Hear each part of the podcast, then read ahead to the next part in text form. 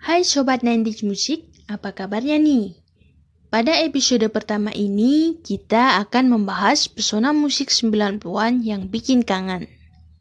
Era 90-an memang sudah lewat, tapi untuk musik di era milenial ini, musik 90-an masih menjadi pilihan banyak orang.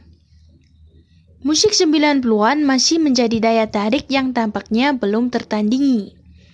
Lalu, apa saja sih daya tarik musik 90-an yang menjadikan kaum milenial tetap mendengarkan dan menikmatinya?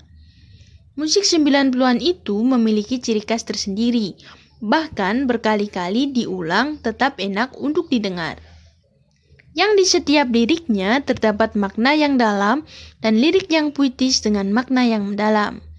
Sekian Sobat Dendis Musik, sampai bertemu di episode berikutnya dengan pembahasan musik 90-an yang selalu bikin kangen.